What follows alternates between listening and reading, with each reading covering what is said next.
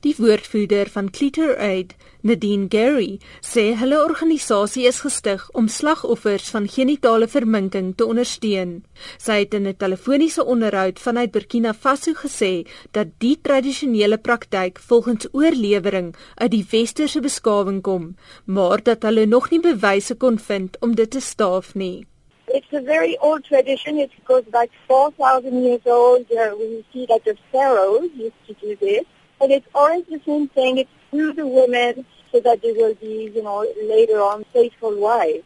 Die VN beraam dat daar 125 miljoen slagoffers van genitale verminking ter wêreld is en dit sluit mans in. Dit is nou ten spyte daarvan dat die VN se Menseregte Kommissie 'n resolusie aanvaar het om dit te verbân. Gary sê hulle vind dat die meeste slagoffers vroue uit Wes- en Sub-Sahara Afrika is, maar dat die pasiënte weens migrasie uit enige land kan kom, selfs Suid-Afrika. It's a practice that takes place in the life of a young girl around usually 8 or 9 years old and so it consists in the horrific uh, practice of cutting off the little girl's clitoris.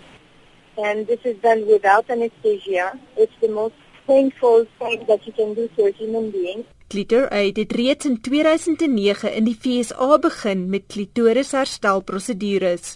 Die beplande hospitaal in Burkina Faso sal egter die eerste ter wêreld wees wat uitsluitlik op hierdie operasie sal fokus. Volgens Gary sal die prosedures gedurende die eerste 2 weke van die hospitaal se opening verniet wees en is hulle besig om internasionaal fondse in te samel sodat hulle die dienste daarna steeds gratis kan aanbied. We now have hundreds of patients on our waiting list and we're going to do the first 70 patients in the next two weeks that we have our American surgeons traveling to this uh, humanitarian mission. And so after that, we'll see what is the, how many we're going to have. It's difficult to tell. Gary sê baie mense is skepties oor hoe 'n klitoris herstel kan word nadat 'n vrou reeds so vermink is. A mutilation is a mutilation. You cannot undo that. But what we have to realize is that clitoris is a very long organ. It's as long as a penis, but most of it is tucked in inside the body. And so this is why the surgeon has a lot of clitoral material to work with and he or she can bring some of the clitoris back to the surface for the sensations and the visuals to be there. Volgens Gary is pasiënte se terugvoer baie positief.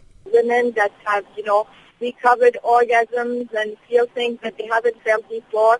And I have personally seen women that had just had their surgery. You know, this is a full anesthesia, so they feel anything, obviously. But when they wake up from their surgery a few hours later, the first thing that every woman wants is a mirror to see it. And when they see this clitoris between their legs, it's the most happy moment in their life like recovering your identity. You feel like a normal woman again, and I can see it in their face where all this trauma they felt is gone in an instant.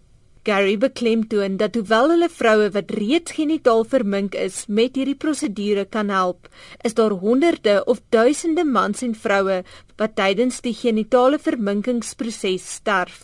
Sy sê daarom is opvoeding oor die praktyk van uiterste belang. Anne Marie Jansen van Vieren in Johannesburg.